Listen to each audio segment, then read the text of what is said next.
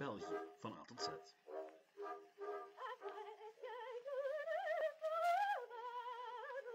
Welkom bij Geschiedenis van België en welkom bij de letter Y. Y voor taalgrens. Voor de tweede keer op een rij. Vorige week schetste ik in de eerste plaats de context voor wat de taalgrens worden zou. In deze aflevering trekken we die lijn volledig door tot vandaag, al moeten we daarvoor weer heel wat hindernissen overwinnen. Waaronder een hypothetisch België, waar de taalgrens nooit bestaan heeft en in Nederlands en Frans gesproken wordt, van knokken tot in aarde.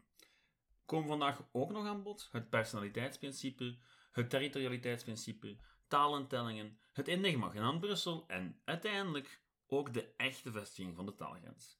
Dat en meer in deze aflevering van België van A tot Z.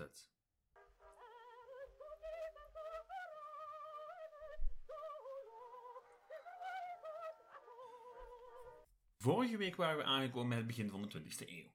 Het had een tijd geduurd sinds de stichting van België, maar tegen 1900 had het Nederlands een bepaalde status verkregen, binnen de nog steeds redelijk francofone Belgische staat. In Vlaanderen was Nederlands de belangrijkste bestuurstaal geworden, en ook in het nationaal parlement kon men ondertussen redenvoeringen horen in het Nederlands. En nu zou men kunnen denken dat, als het Nederlands ondertussen de status van erkende cultuur en bestuurstaal had bereikt, dat het probleem daarmee opgelost waren. Want waren dat niet de belangrijkste doelen geweest van de Vlaamse beweging? Wel, ja, maar het Nederlands was nog altijd voor velen, ook in Vlaanderen, ondergeschikt aan het Frans.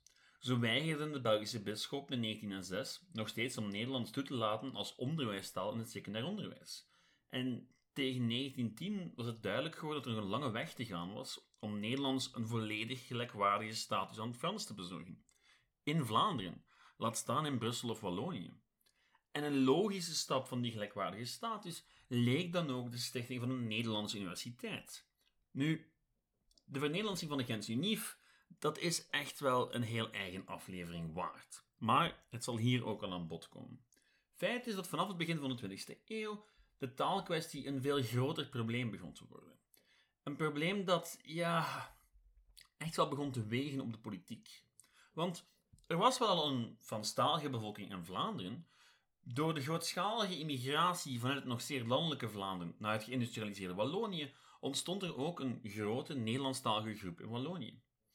Nu, de vraag was, wat als die twee talen op hetzelfde niveau worden gezet? Moeten er dan ook Nederlandstalige scholen komen in Wallonië? En wat met dat eeuwige vraagstuk, Brussel? Er had zich als gevolg van de 19e-eeuwse taalwetten dus een hele precaire knoop gevormd. Een ideologische knoop die men vroeg of laat moest gaan doorhakken. Het ging eigenlijk om de keuze tussen twee manieren om naar de hele taalproblematiek te kijken. Het personaliteitsbeginsel of het territorialiteitsbeginsel. En geloof het of niet, maar de keuze tussen die twee heeft heel veel bepaald wat de hedendaagse Belgische staat betreft. Indien er toen, in de jaren 20 van de vorige eeuw, een andere keuze was gemaakt, dan had België vandaag de dag helemaal anders uitgezien. Nu, wat zijn die beginsels precies? Wel, onder het personaliteitsbeginsel, daar hoort u persoon in, kan de burger zelf beslissen, overal waar hij zich bevindt, in welke taal hij zich tot de overheid zal wenden in zijn of haar geprefereerde taal. Dus ofwel het Frans of het Nederlands. En dat gold voor onderwijs, lokaal bestuur, wat dan ook. Onder het personaliteitsbeginsel is het de persoon die de keuze heeft en is de hele regio waar het geldt tweetalig.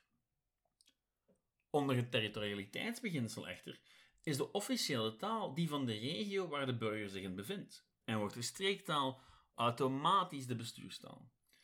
Nu goed, u weet waarschijnlijk al voor welk beginsel uiteindelijk gekozen is. Het territorialiteitsbeginsel. Wel, voor Vlaanderen en Wallonië, niet voor Brussel. En hoewel dat idee van in deze regio spreek je die taal en in die regio spreek je die andere taal, dat principe is nu wel heel duidelijk en logisch en lijkt in steen gebeiteld, um, het had echt anders kunnen lopen. Want initieel hadden heel wat Vlamingen wel oren naar een volledig tweetalig België. Niet in het minst die grote Nederlandstalige arbeidspopulatie in het zuiden van het land. En het leek ook wel een logisch Belgisch compromis te zijn, dat beide talen overal ter lande geldig zouden zijn, als cultuur en als staatstaal. En, wel, net dat bleek moeilijk te slikken voor de Franstaligen. Wat waarschijnlijk veel te maken had met de status van het Nederlands, iets waar ik het vorige week al over had. Feit is dat men in Wallonië steeds meer begon na te denken over het regulariteitsbeginsel.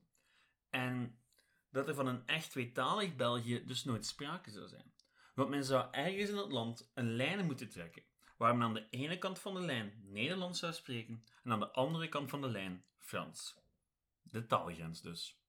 Een concept dat eigenlijk vermeden had kunnen worden. Wat me tot deze korte excursies brengt. Wat als men ergens voor Wereldoorlog 1 de volledige tweetaligheid had laten gelden in het hele land? Wel, de kans is klein ter sprake geweest te zijn van collaboratie tijdens de Eerste Wereldoorlog, wat een radicalisering van de Vlaamse beweging had vermeden. Dus ook geen collaboratie tijdens de Tweede Wereldoorlog en naar alle waarschijnlijkheid geen separatistisch Vlaams nationalisme. Geen federale status, geen NVA, geen Vlaams Belang. Er was waarschijnlijk wel een grote politieke Vlaamse beweging geweest, maar gezien de impact die collaboratie heeft gehad, had die waarschijnlijk een heel ander karakter gehad dan vandaag. Of hoe iets technisch als een taalgrens een heel politiek en cultureel landschap bepalen kan. Nu goed, ik mag dan wel even opgaan in mijn hypothetische oefening. Feit is dat men van het personaliteitsbeginsel niks weten wou. En ja, dat zou gevolgen hebben. Verregaande gevolgen. En niet in het minst voor de Franstaligen in Vlaanderen. Want als men in Wallonië koos voor het territorialiteitsbeginsel, wat dan met Vlaanderen? Allemaal goed en wel dat men ervoor kiest om in Wallonië de Nederlandse taal niet op te leggen, maar waarom moest men dat dan wel doen in Vlaanderen met de Franse taal? Zou men die Franstalige bovenlaag faciliteren en faciliteiten blijven toestaan als de Vlaamse arbeiders in Franstalig België die niet kregen? Het antwoord was uiteindelijk nee. En uiteindelijk koos die Vlaamse beweging voluit voor het Nederlands als landstaal. Aan de vooravond van de Eerste Wereldoorlog werd nog volop campagne gevoerd voor de vernederlandsing van UGent. In alle drie die grote partijen tegelijkertijd, zowel bij de socialisten, liberalen als de katholieken. En voor het eerst leek de Vlaamse zaak de verzuiling te kunnen overstijgen. Ook op vlak van het leger en het onderwijs werden net voor de oorlog nog pogingen ondernomen om het Nederlands eindelijk op gelijke voeten met het Frans te zetten. Pogingen die mislukten en de eerste twijfels over het Belgische unionistische model voortbrachten. Het idee werd voor het eerst geuit in 1912 door de Waalse nationalist en socialist Jules Destrée, met in een open brief van Albert I de woorden Sire, il n'y a pas de Belge. Een sentiment dat door de vele frustraties ook ingang had gevonden bij een deel van de Vlaamse beweging. En dus werd regionaal bestuur langzaam maar zeker een doel. Nu, om regionaal te besturen heb je natuurlijk een regio nodig. Een afgebakende regio met grenzen. Wat ons tot de taalgrens brengt. En Brussel. Want daar moeten we het nu echt wel eventjes over hebben. Brussel heeft altijd al een Nederlandstalig gebied gelegen en was lange tijd een Nederlandstalige stad. Vandaag, wel, vandaag ligt het nog steeds een Nederlandstalig gebied, maar Nederlandstalig is ze al lang niet meer. Er wonen wel nog Nederlandstaligen, waaronder uw dienaar, maar ja, het zijn er minder dan 10%. En hoe dat komt? Wel, herinnert u zich nog hoe ik het in de vorige aflevering had over de verfransing van Vlaanderen en dan vooral over haar elite? Wel, dat is een proces dat echt in gang schoot tijdens de Franse bezetting en werd doorgezet in het jonge België. Dat verfransingsproces had nergens zoveel impact als in Brussel. In de hoofdstad waren veel meer jobs in de openbare sector en ja, ook in de privésector eigenlijk. Frans was simpelweg noodzakelijk om echt carrière te kunnen maken. En dus kwamen er heel wat Walen naar de hoofdstad afgezakt en leerden heel wat Vlamingen Frans. En werd die kennis van het Frans dus een symbool van een nieuwe burgerlijke status. in 1846 was al 37,6% van de Brusselaars Franstalig. En de status van Brussel als meest Franstalige stad van Vlaanderen zorgde ervoor dat het moeilijk was om de taalwetten daar door te voeren. En dat Brussel al vanaf de eerste taalwetten de grote uitzondering werd. Elke vervulde Vlaamse eis had een prijs en meestal was die prijs een toegift wat betreft Brussel. Wat trouwens geldt tot de dag van vandaag. Net door al die toegevingen is Brussel met de jaren steeds meer een aparte regio geworden te midden van Vlaams-Brabant. Een proces dat bij de volgende staatshervormingen waarschijnlijk vervolledigd zal worden. En Een proces dat al een hele tijd geleden begon, waar de nationale taalwetgeving zelden gold voor Brussel. En die zaken daar dus aan de lokale overheden werden overgelaten. Lokale overheden die in grote mate Franstalig waren. Zo kreeg je dus toestanden waar in 1914 in het lager stedelijk onderwijs zes Vlaamse klassen waren en maar liefst 405 Franstaligen in Brussel. Terwijl voor 56% van de leerlingen in het stedelijk onderwijs in Brussel Vlaams of Nederlands de thuistaal was. Dus ja, waar in Vlaanderen dergelijke zaken, zaken vermeden werden door de taalwetten, hielden die uitzonderingen in Brussel de status van het Nederlands ja, steeds meer tegen. En ze holden die status ook uit. De officiële tweetaligheid van Brussel maakte eigenlijk in de werkelijkheid het pad vrij voor een volledig verfranst Brussel. Nu, dat was de situatie aan de vooravond van Wereldoorlog 1. En die oorlog die zou dat hele proces van de taalwetten wel opnieuw een stuk moeilijker maken. Want die oorlog die had grote gevolgen. Enerzijds een versterking van het Belgisch nationalisme en anderzijds het verdacht maken van de Vlaamse beweging. De collaboratie met de Duitse bezetters in de vorm van het activisme had heel veel impact. Die Duitsers die hadden de Vlaamse nationalisten zowat alles aangeboden wat de Belgische regering hen altijd geweigerd had.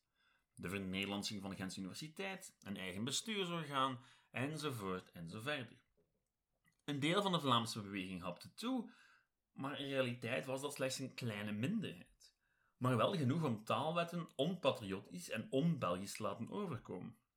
Een fenomeen dat heel wat Vlaamse nationalisten verder zou radicaliseren en tot de collaboratie in de Tweede Wereldoorlog leiden zou. Maar ook dat is een verhaal voor een andere keer. Tegelijkertijd werd na de Eerste Wereldoorlog het algemeen enkelvoudig stemrecht doorgevoerd, wat op lange termijn net in het voordeel van de Vlaamse beweging zou spelen. In de loop van de jaren 20 zouden meer taalwetten doorgevoerd worden, maar daar was niemand echt tevreden over. De pogingen om delen van Vlaanderen tweetalig te laten en tegelijkertijd die tweetaligheid door te voeren op het nationale niveau frustreerden zowel Frans als Nederlandstaligen. Het gevolg was een typisch Belgisch compromis in de taalwet van 1921. Een compromis om niet te kiezen voor de territorialiteit of het personaliteitsbeginsel, maar een hybride vorm. Ten eerste werd de streektaal overal de officiële taal wat voor heel wat Vlaamse gemeenten een volledige vernederlandsing betekende. Maar, met een tweederde meerderheid aan de taalgrens in de gemeenteraad het Frans beheerste en daarvoor koos, kon het Frans als tweede diensttaal doorgevoerd worden. En moest de communicatie in beide landstalen gebeuren als 20% van lokale kiezers daarom vroegen. Nu, hoe zouden die kiezers daarom vragen? Wel, door aan te geven welke taal ze spraken in taaltellingen. Wat ons brengt tot het concept taaltelling. Om de tien jaar zouden in alle gemeentes taaltellingen gehouden worden. En de resultaten zouden vervolgens de status van het Nederlands en het Frans bepalen voor de volgende tien jaar. Tien jaar. In theorie waren die tellingen weinig meer dan droge enquêtes. In praktijk waren die vaak, ja, omringd door een politiek sfeertje. Bijna politieke referenda. En er zijn heel veel beschuldigingen dat er gesjoemeld werd met die taaltellingen. Dus ja, dat zorgt natuurlijk vooral in Brussel voor problemen. Uh, want in Brussel waren er heel veel mensen die naar Brussel kwamen en die zich vestigden in de randgemeentes. En als daar nu eenmaal genoeg van staligen waren, dan konden die na een taaltelling eisen dat men ook in het Frans bediend kon worden door de gemeente. En het gevolg was dat hele grote stukken van de rand van Brussel langzaam maar zeker begonnen te verfransen. Dus ja, dat had heel veel gevolgen en leidde tot heel veel frustraties. Gemeentes zoals Schaarbeek, Anderlecht, Molenbeek en vele anderen, ja, die namen suggereren dat zij van oorsprong Nederlandstalig waren. Maar dat bleven ze niet en dat, dat voltrok zich in de jaren 20 en 30. Nu, ik bespaar de details van de taalstrijd in de jaren 20 en 30, maar het volstaat te weten dat die hele situatie, onder meer in Brussel, maar overal aan de taalgrens, bijdroeg aan de frustratie van een groot deel van de Vlaamse beweging. Het belangrijkste waren de taalwetten van de jaren 30. Want na jaren van politieke strijd werden er uiteindelijk toch keuzes gemaakt.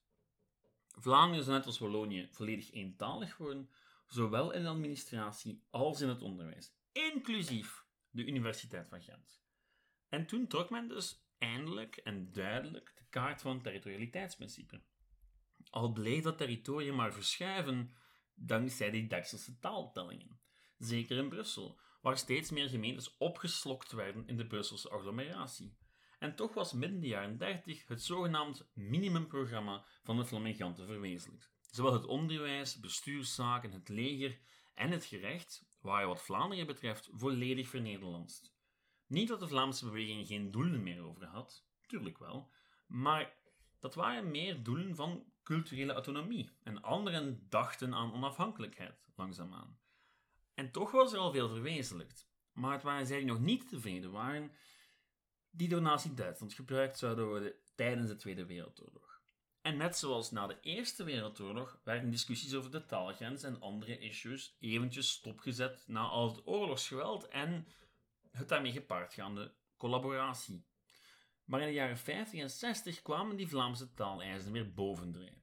En die eisen waren divers, maar voor ons thema, zijn de, de taalgrens, moeten we ons focussen op het territorialiteitsbeginsel en die taaltellingen.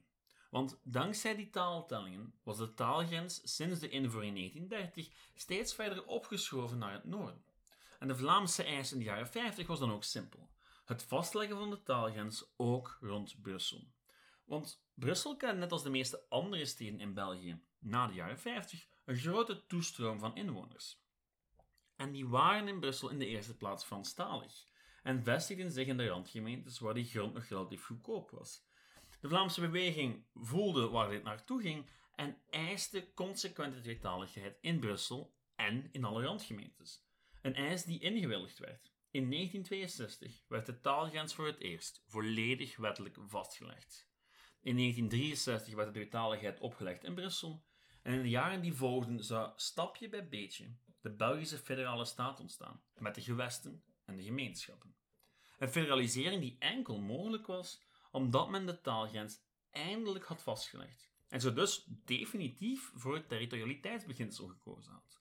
Of hoe eens de taalgrens een echte grens werd, het verdelen van België in Vlaanderen, Wallonië en Brussel slechts een kwestie van tijd was. Oké, tot daar, liefste luisteraar. Um, dit was, zoals u misschien wel gemerkt hebt, geen makkelijke bevalling. Mijn excuses dat ik mezelf af en toe herhaald heb, hier en daar te zeer in detail ben gegaan en elders net te weinig. Dit is complexe materie en misschien wel het moeilijkste dat ik op deze podcast al heb aangepakt. De kans is dus groot dat ik hier en daar een foutje heb gemaakt en u mag me daar altijd op wijzen.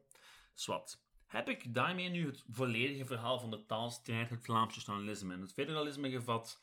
Uh, nee, helemaal niet. Maar ik kan moeilijk meer dan dit in twee afleveringen stoppen. Wees gerust, dit verhaal wordt vervolgd. Federalisme en nationalisme zullen altijd een regelmatig terugkerend onderwerp zijn. Wat maar logisch is ook, gezien hoe belangrijk die wel zijn in het huidige België. Volgende week tackelen we de laatste letter van ons Belgisch alfabet, de letter Z. Jawel. Hoe het daarna verder zal gaan met de podcast, hoort u niet lang daarna in de allereerste State of the Podcast. Dat was het voor deze week. Voor ik ga nog een kleine oproep. Er heeft zich het voorbije jaar een klein mysterie gevormd wat betreft mijn luistercijfers. Um, de overgrote meerderheid van de luisteraars, zo'n 60%, komt uit België, 15% uit Nederland en 13% uit. hou je vast? Ierland. Nu, um, ik breek hier al maanden mijn hoofd over. Um, het zou er kunnen liggen dat een deel van jullie VPN gebruikt. Um, of ik heb gewoon een uiterst trouw gevolg in Dublin en omstreken. Als iemand mij kan uitleggen welke van de twee het is, dan mag die altijd sturen naar geschiedenisvan.outlook.be of mij contacteren via Geschiedenis van België op Facebook. Buiten Ierland heb ik nog meer luisteraars die zich niet in België bevinden. Um, ik word beluisterd over zowat de hele wereld.